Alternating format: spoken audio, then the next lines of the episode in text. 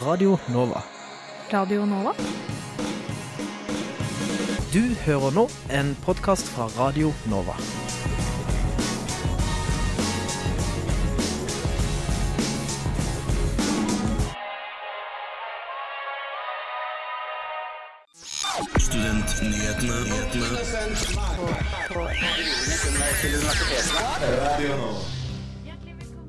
Hjertelig velkommen. Til Studentnyhetene. Det er fredag, og det skinner med sol ute. Eh, hvordan var det å sykle i dag, Ingar? I dag var det glatt. Det var tykt islag på nesten de fleste veier i Oslo i dag. Fordi det er eh, blitt nesten sju minus, tror jeg. Ja. Men du sykler fortsatt. Sykler fortsatt. Det funker med pigger så vidt det er. Vi skal prøve å lose deg gjennom denne nyhetsfredagen, jeg og Ingar, altså. Eh, vi skal høre at etter demonstrasjoner og massiv motstand fra studenter på Det psykologiske instituttet, vil psykologiklinikken nå bli værende på campus. Og Oslo vinfestival åpner i dag. Vår reporter Marius er direkte derfra og skal lære oss selv om vinsmaking kunster om litt.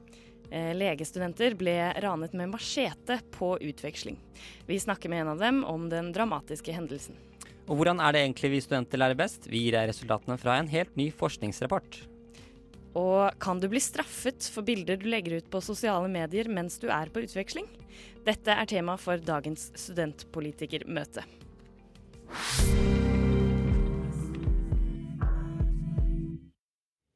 Det var Oshun med 'Parts'. Eh, Den mye omstridte psykologiklinikken ble i fjor høst stengt på dramatisk vis.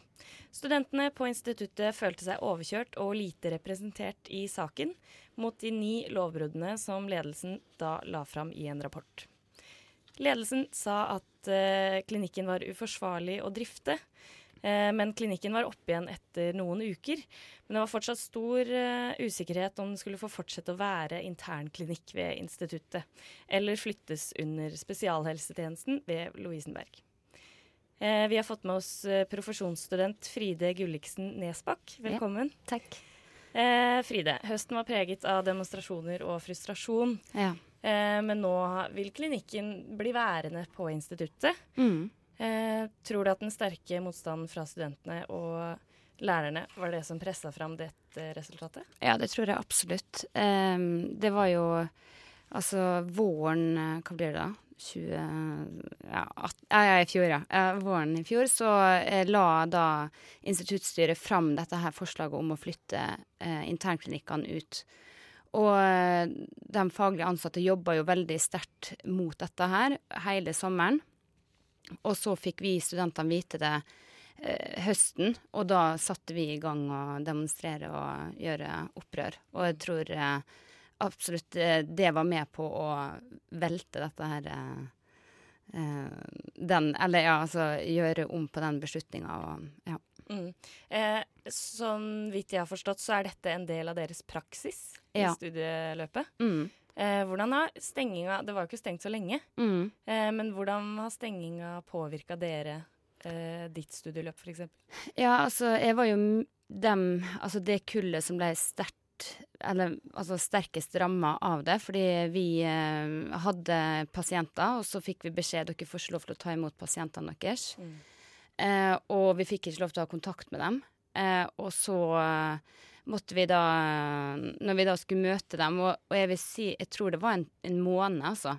Fordi at før vi liksom fikk alt på plass. Eh, og da kunne vi ta kontakt med dem igjen, og da var det jo at Da måtte jo vi stå som sånn eh, Hva skal jeg si eh, Stå som representant for den stenginga uten at vi egentlig ville være med på det, og vi måtte ta imot For det var dere som måtte ta kontakt med deres pasienter? Ja, og det, det er jeg jo enig i, men, eh, men det blei veldig eh, Og jeg tror eh, mange av pasientene skjønte at dette her var ikke noe vi studentene ville, men det var likevel vi som følte på at vi fikk jo ikke ta kontakt med dem. Vi ville jo Vi veit jo at de har problemer, og de kommer jo dit eh, fordi de har problemer og eh, Ja, så det mm, Ja, hvordan var det for pasienten å plutselig miste det tilbudet her? Riktignok var det riktig en, en måned, men Ja, nei, det tror jeg Altså, det mm, tror jeg ikke var noe bra, og ikke heldig i det hele tatt. Og i hvert fall ikke for For vi hadde nettopp starta med terapi, og da er liksom det, Relasjonen er veldig skjør, og så skal man bare på dagen ikke få noe tilbud. Og at de kom tilbake og var sinte og, og sure og følte seg avvist og Nei, det var ikke noe bra, altså. Så det, det var et hensyn de ikke tok eh, nok eh, til etterretning ved Ja. å stenge det. Uh, men eh, eh, vedtaket om å bli på instituttet nå, Mm. det har jo da blitt eh, gjort etter en anbefaling av eh, en arbeidsgruppe Ja. som har jobba med dette siden jul. Mm. Eh, og nå er instituttleder Pål Kraft også snudd i saken. Mm. Eh, vet dere hvorfor klinikken nå blir på instituttet? Ettersom de var så klare på å flytte. Ja, eh, nei, de har vel eh, skjønt at eh, det er såpass stor motstand i det å flytte at de ikke tør det, da. Mm. Eh, og kanskje rektoratet som er ble veldig redd for eh, egentlig hva som eh, ville skje. For det, altså, rektoratet og fakultets- og dekan de har jo ikke så mye peiling på hva som skjer på PSI, så de trodde vel eh, ganske mye Eller hadde tiltro til at det Pål Kraft og gjengen eh, foreslo, var bra. Mm. Men så så de at eh, ja, at resten av eh, Eller at studentene og fagmiljøet ikke var enig. Mm. Og at det hadde vært en så udemokratisk prosess. Nettopp. Eh, men det var noen lovbrudd som eh, de nå har Ja. ja. De nå har ordna opp i, antakeligvis. Ja, Ja. mm. Er det noe annet som kommer til å bli annerledes nå? Em, altså, vi har jo opplevd at det har blitt veldig skjerpa. Uh, for eksempel så må vi uh, Vi må registrere timer tre forskjellige steder, sånn at de skal vite hvor vi er. Um, og det Og vi har ikke fått Altså sånn det med video som vi har fått lov til å bruke til undervisning, det får ikke vi lov til lenger. Altså det, Mm. det er ting i vårt undervisningstilbud som har blitt eh, tatt fra oss, da. Mm. Men, eh, men jeg tror at mange ting kommer til å komme på plass etter hvert. Men Mm. det er ikke sikkert eh, mitt kull får oppleve det. Mm.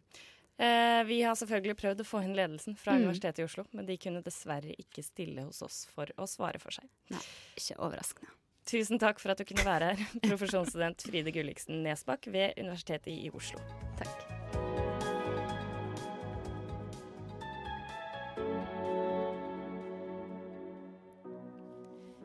Det var Barcelona med ett år. Eh, I dag og i morgen kan vinelskere skjerpe smaksløkene om man drar på Oslo vinfestival. Denne arrangeres på Aker Brygge. Da står jeg her på eh, Oslo eh, vinfestival, og her er det lina opp til en, eh, en smaksopplevelse jeg straks skal få nyte. Men først skal vi snakke med en av festivalsjefa, og det er deg, Torleif Høyvik. Stemmer. Hva handler Oslo vinfestival om? Ja, det handler om vinglede, kvalitet og eh, å lære seg mer om eh, mat og vin. Og eh, oppleve nye ting.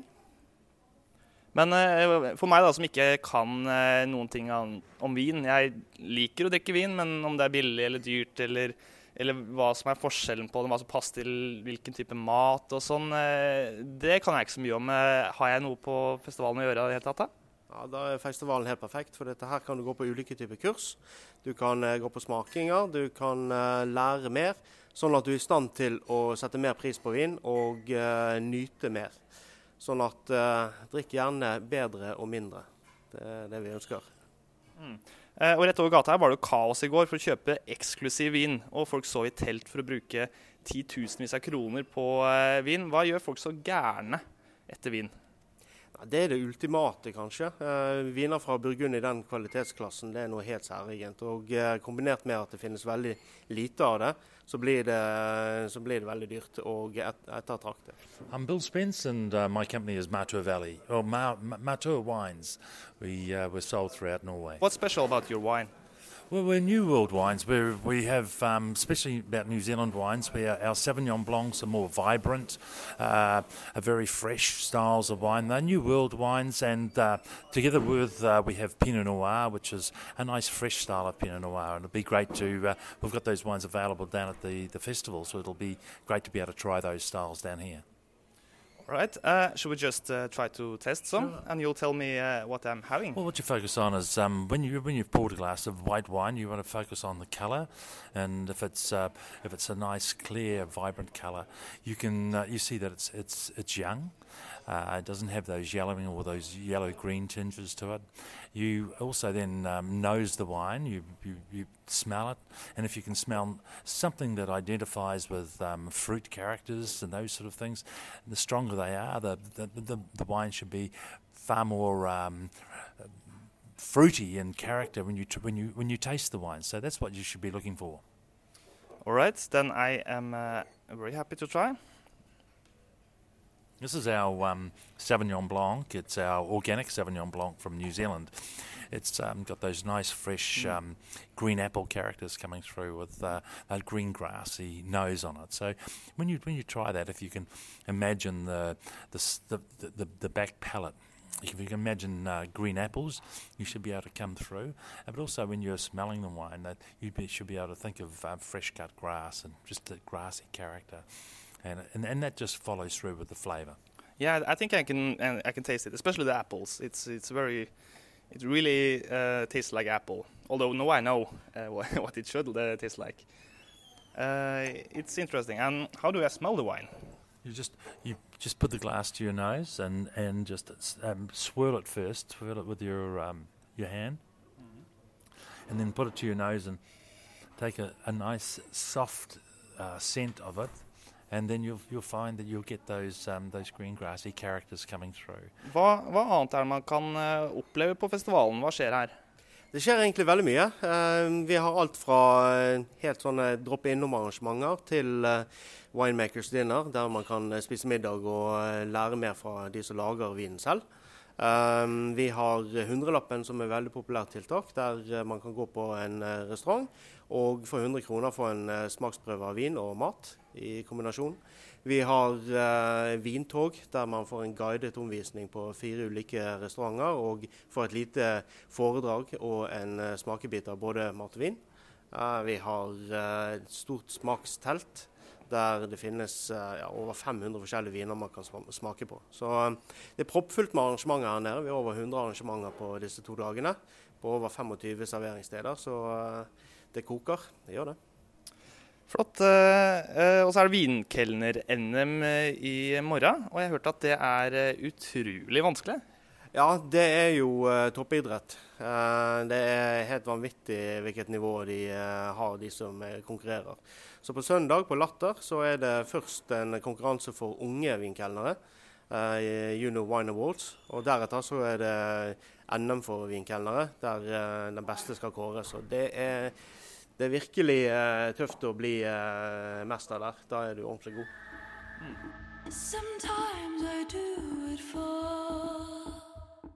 Nelson Can med Downtown. Eh, For fem norske legestudenter fikk en brutal oppvåkning da de ble rana med machete natt til tirsdag. De var på praksis på Zanzibar da tre menn tok seg inn i huset for eh, norske og tyske frivillighetsarbeidere. Og vi har med oss 24 år gamle Ingeborg Marie Sevensby. Eh, Og dere kom hjem til Norge i går. Først, fortell. Hvordan var det eh, for, for deg å være i, i Sandsbar? Eh, altså, I utgangspunktet så var det jo en veldig fin opplevelse å være på Sandsbar, og Da bodde vi i et frivillig hus i et nabolag som lå sånn ti minutter kvarter utenfor Stone Town. Da. Så det var et hus med fem soverom. Så var det mura inn, da. Mm. Med en mur rundt. Og de andre husa som var i det nabolaget, hadde jo strømgjerde sånn på sine murer, da, så det hadde jo ikke vi. Ja, opplevde dere det som trygt eh, å oppholde dere i Zanzibar frem til denne uka? Ja, altså I utgangspunktet så vil jeg jo si at vi gjorde det. Man tar jo visse restriksjoner i forhold til det man har fått informasjon på, på forhånd. Altså det med at eh, det er annerledes. Man skal passe på tingene sine og rette seg etter hvordan det er der. Akkurat i det huset så hadde vi jo følt oss veldig trygge. Så du kom jo da til natt til torsdag. Eh, Hva var, hva var det konkret som skjedde? Nei, det som skjer er jo at eh, vi eh, våkner Altså det kommer tre menn med lommelykter inn på soverommet, og jeg lå i overkøya. Hun som lå under meg sier ja, nå blir vi rana. Øh, og skjønte jo egentlig ikke helt hva som skjedde. Jeg satte meg opp, så ser jeg jo da at de har jo macheter, og hun under meg hadde jo våkna opp av at øh, de holdt den macheten over måtte hodet hennes og liksom sa 'vær stille'. Vi oppfattet vel egentlig ganske fort at det var materielle goder de var ute etter, da, eh, og ikke noe fysisk. Man blir jo redd for overgrep eller Mm. sånne ting. Dersom man blir utsatt for ran, skal man bare gi fra seg ting. Fordi de er jo farlige, de folka der. Eh, så, men vi var rom nummer tre de hadde vært inne på, viste seg etterpå. De var mer stressa da de var inne hos oss, så de fikk jo ikke med seg iPhoner og Mac og sånne ting. Men de tok jo en del kontanter da, og andre ting. Så mm, det var det som skjedde. Og da gikk de ut, og så fikk vi jo da høre etterpå at de hadde jo først da kommet seg over muren i, til huset, og så hadde de, eh, hadde de på en måte tatt til fange holdt jeg på å si, han vakta som var der, og det var jo egentlig bare en 15 år gammel gutt. Eh, som de hadde bindt fast og så låst inne i en sånn eh, bod ute der. da. Hvordan, hvordan reagerte dere etterpå, etter hendelsen?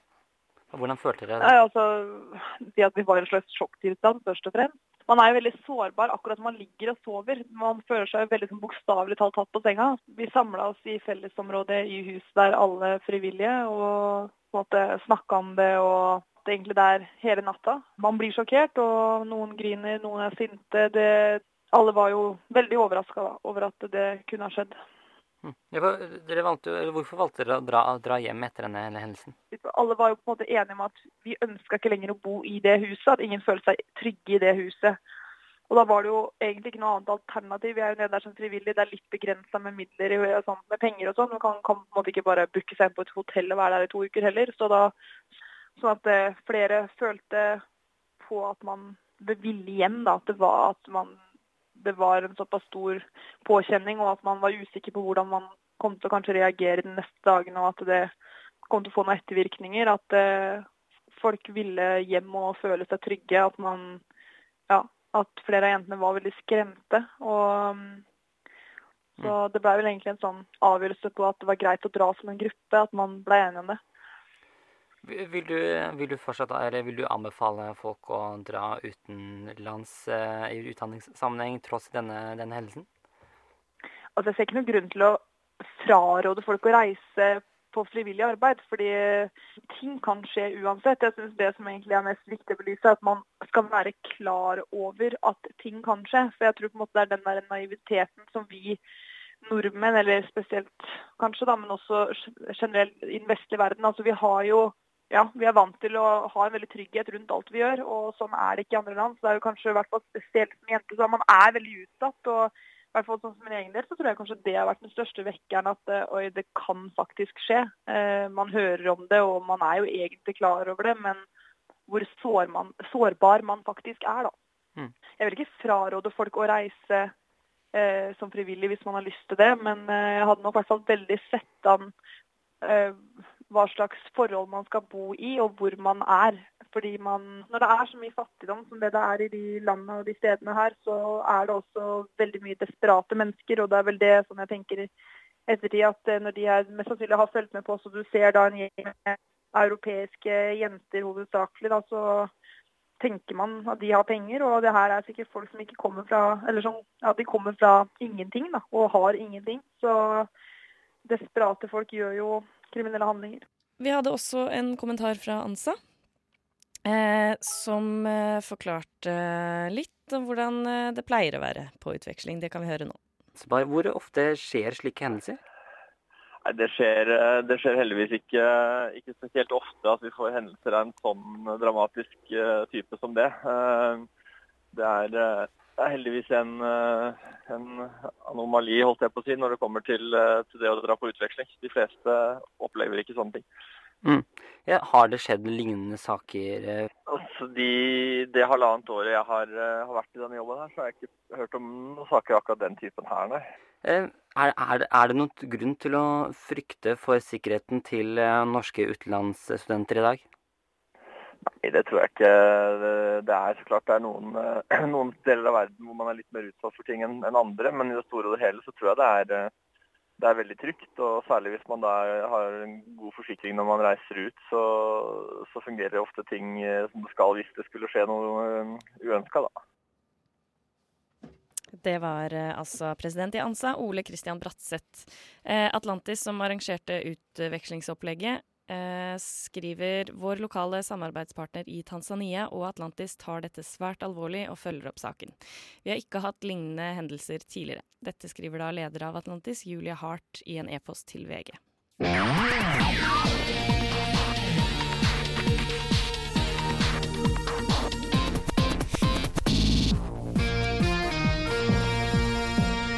Nå kan det bli lettere for menn å komme inn på studier der flertallet av studentene er kvinner.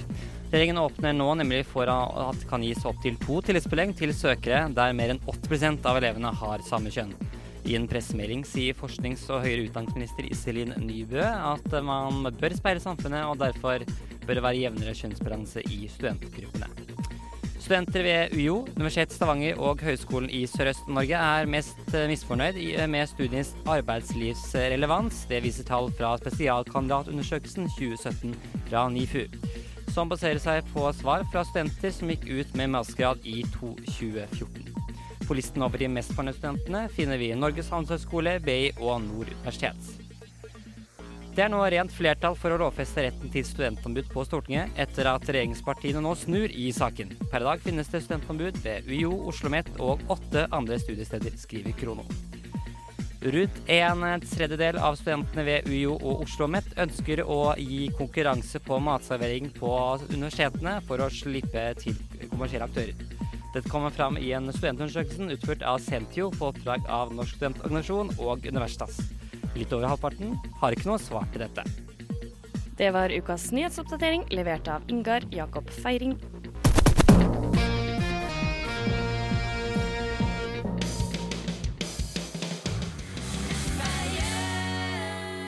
Det var Velvet Volume med Fire.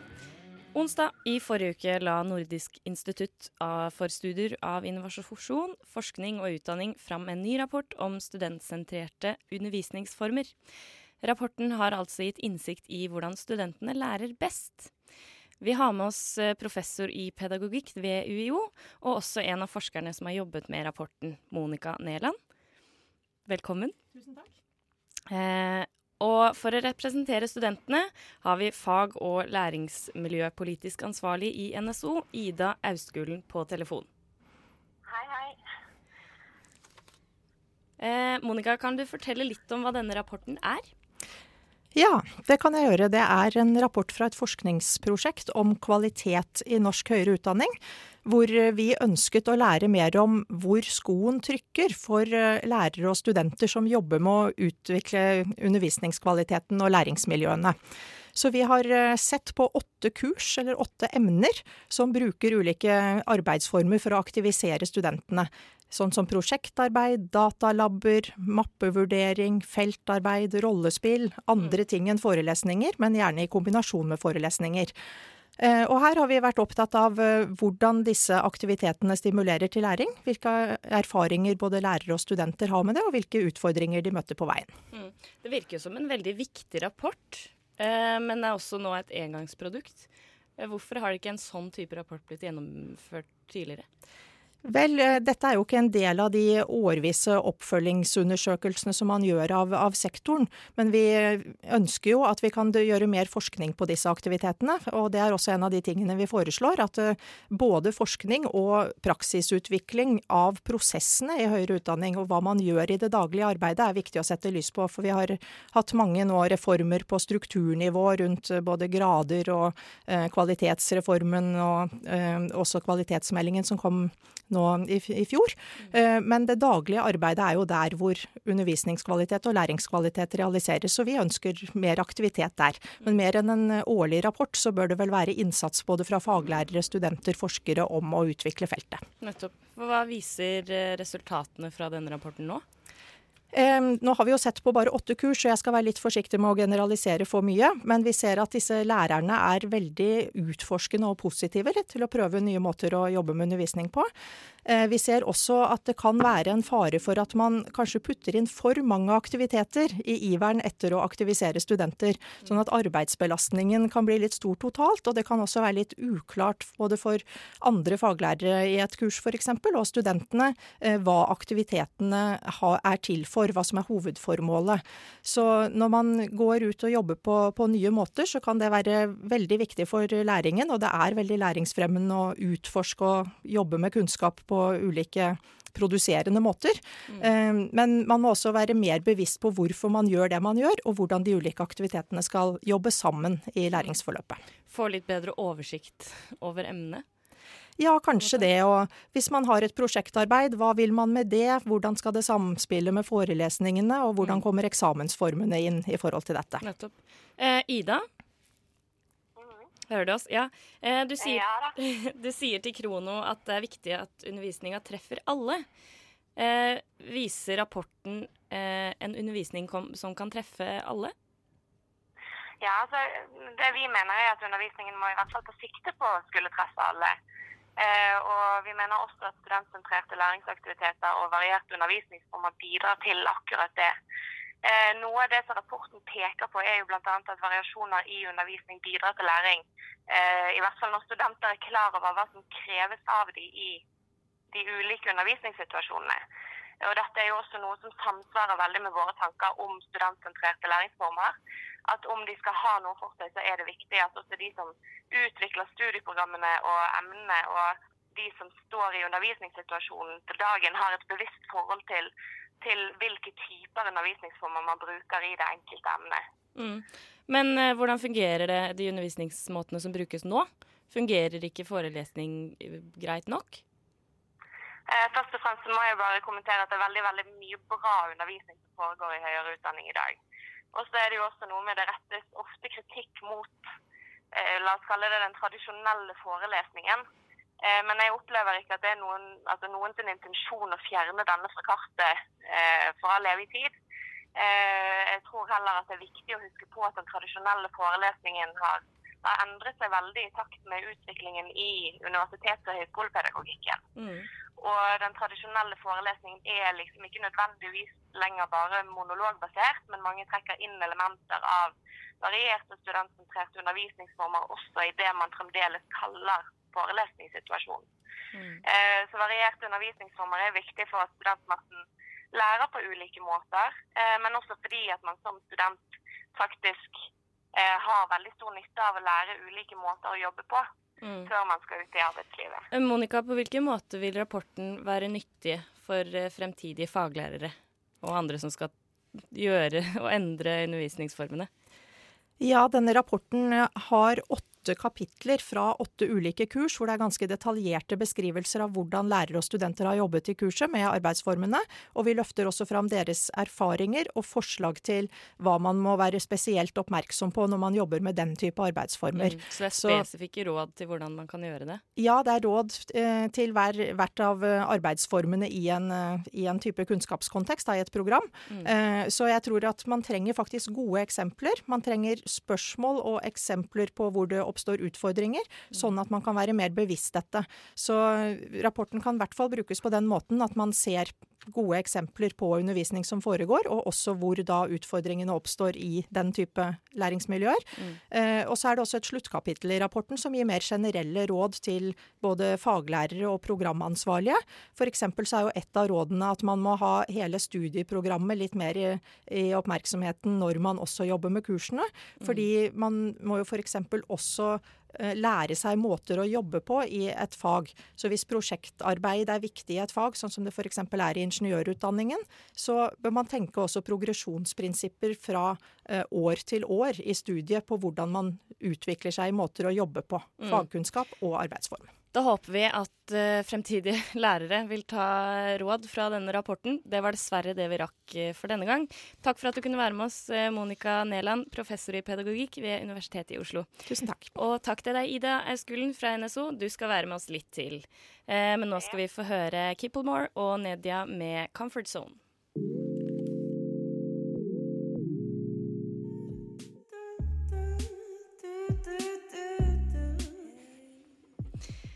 Det var da Kipplemore og Nedia med 'Comfort Zone'. Vi har fortsatt med oss Ida Auskulen fra NSO på telefon. Eh, fordi nå snur regjeringspartiene og går inn for å lovfeste retten til studentombud for alle studenter i Oslo. Dette har jo da vært en kampsak for dere i NSO lenge, Ida. Hva har det, eh, hva har det, har det å si, egentlig, ha et sånt ombud for studentene? Eh, først må jeg begynne med å si gratulerer så mye til alle, alle norske studenter. Dette er helt klart en kjempeviktig seier for både NSO og for alle, alle de studentene som vi representerer. Så det er en vanvittig glede å se at regjeringspartiene har snudd. Eh, For det å ha rett til et studentombud som en uavhengig bistandsperson med, med en juridisk kompetanse som kan hjelpe deg i klage- og varslingssaker, det er kjempeviktig. Og det har jo også den siste tidens saker vist, hvor man hører fra studenter om at det er vanskelig å melde fra. Mm. Eh, om eh, eh, uønskede situasjoner eh, ved studiestedet og i undervisningssituasjonen. Ja, for det er vel, det eh, Det er vel Ja, eh, eh, lovfestet kanskje i forbindelse med metoo-kampanjen? Ville det blitt lovfestet uten? Ja, nå er jo dette et representantforslag eh, som etter at eh, forslaget falt i fjor, i juni i fjor, eh, som nå ble løftet på nytt av Arbeiderpartiet i høst. Eh, etter et nytt stortingsflertall flertall etter valget.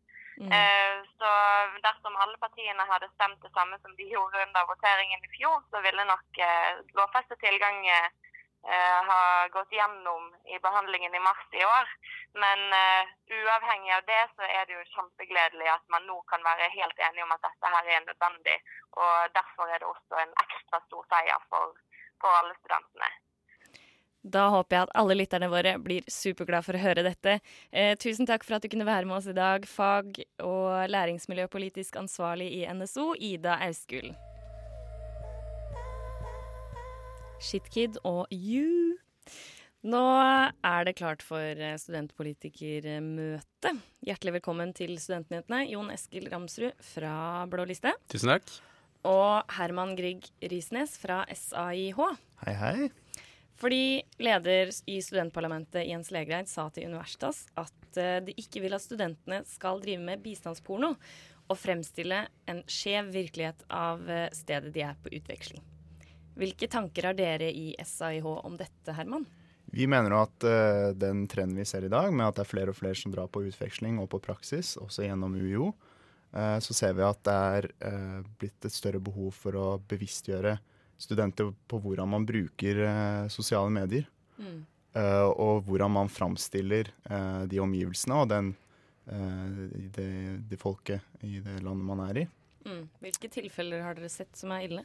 Eh, nå har vi hatt eh, en kampanje nå i fjor med Radiev, hvor vi prøvde å bevisstgjøre folk på akkurat dette området. Og så har vi sett i sosiale medier at det er mye framstillinger av, uh, av, ja, av noen noe som kan ligne white savior-kompleks, hvor, eh, hvor eh, man, eh, man kommer til det landet man er i, gjerne et utviklingsland, og besøker en urbefolkning.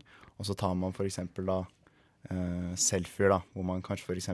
heller vann da, i munnen til et eh, farget eh, barn, og så ja, framstiller seg selv som eh, ja, white savior, da. Mm. Eller white man's burden, som det også heter. Eh, Jon Eskil, dere i Blå liste valgte å være avholdende til dette forslaget eh, om eh, eh, Ja. Mm. Om å få utvekslingsstudenter til å ikke legge ut sånne ting. Ja, det er helt riktig det. Eh, da Revisjonen ble lagt fram, så følte vi det var veldig lite fakta som lå på bordet. Eh, og vi ser ikke det er helt universitetet sin rolle å passe på hvordan studentene tar selfies når de reiser på utveksling.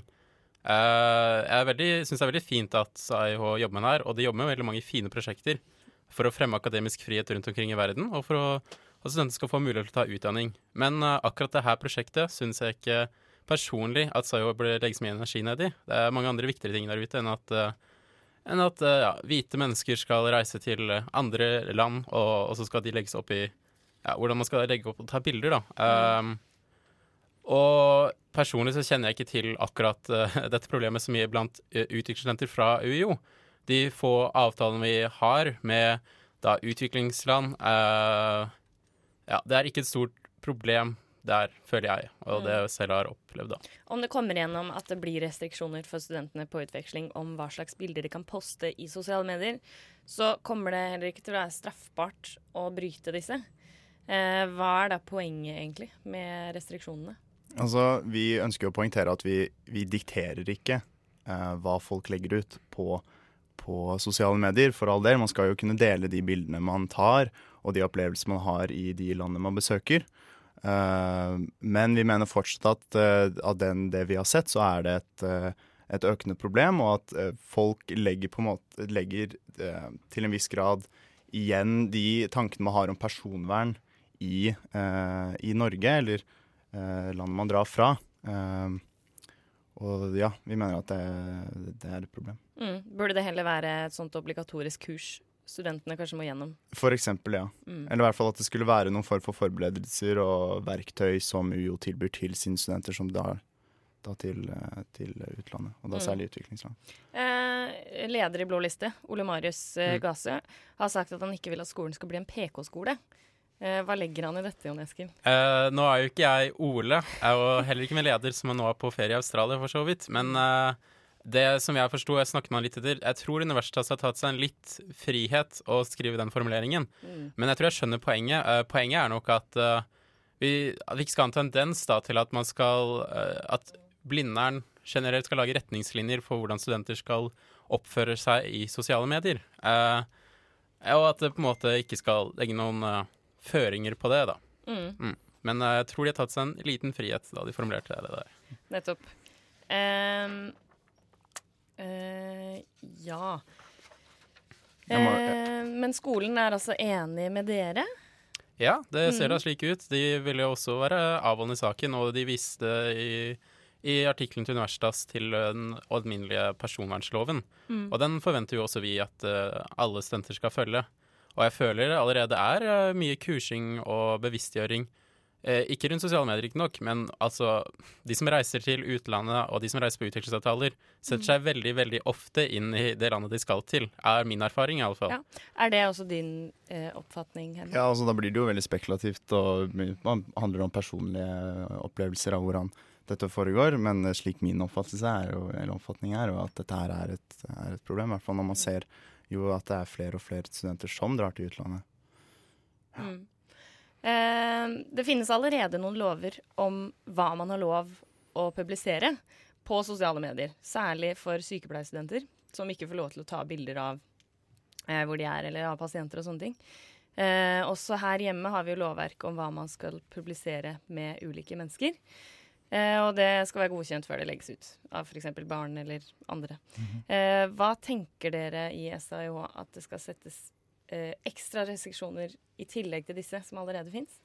Uh, vi mener at uh, ikke nødvendigvis restriksjoner eh, eh, på den måten, men at det skal være, det skal være noen retningslinjer, altså noen tips, da, eksempel, Mm. til hvordan man skal eh, oppføre seg eh, eh, på sosiale, sosiale medier når man er i utlandet. Mm. Um, ja.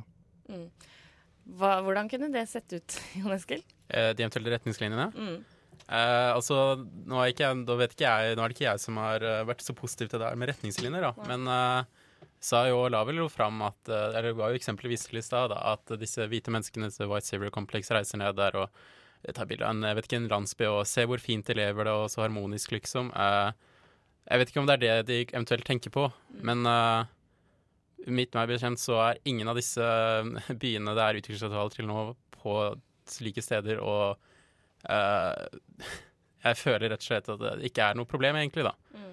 Uh, og de også i min liste innad i, i min krets, da, når vi stiller min politiske tilhørighet, de, de gjenkjenner ikke det problemet, da. Mm. Rett og slett. Vi har jo i SIH i fjor, er fjor, året som var, så har vi jo utviklet og skrevet en guide uh, som er ment til, til bruk for organisasjoner som har medlemmer eller studenter som drar til utlandet, som har en rekke tips da, som mm. organisasjoner kan bruke frivillig hvis de skulle ønske det. Omhandler disse også sosiale medier? Ja, Mm. konkret sosiale medier. Mm. Eh, det var dessverre det vi rakk eh, for denne gang. Tusen takk for at dere kunne komme. Jon Eskil Ramsrud Kindberg, nestleder i Blå liste, og Herman Grieg Riesnes fra SIH. Takk skal du ha. Tusen takk.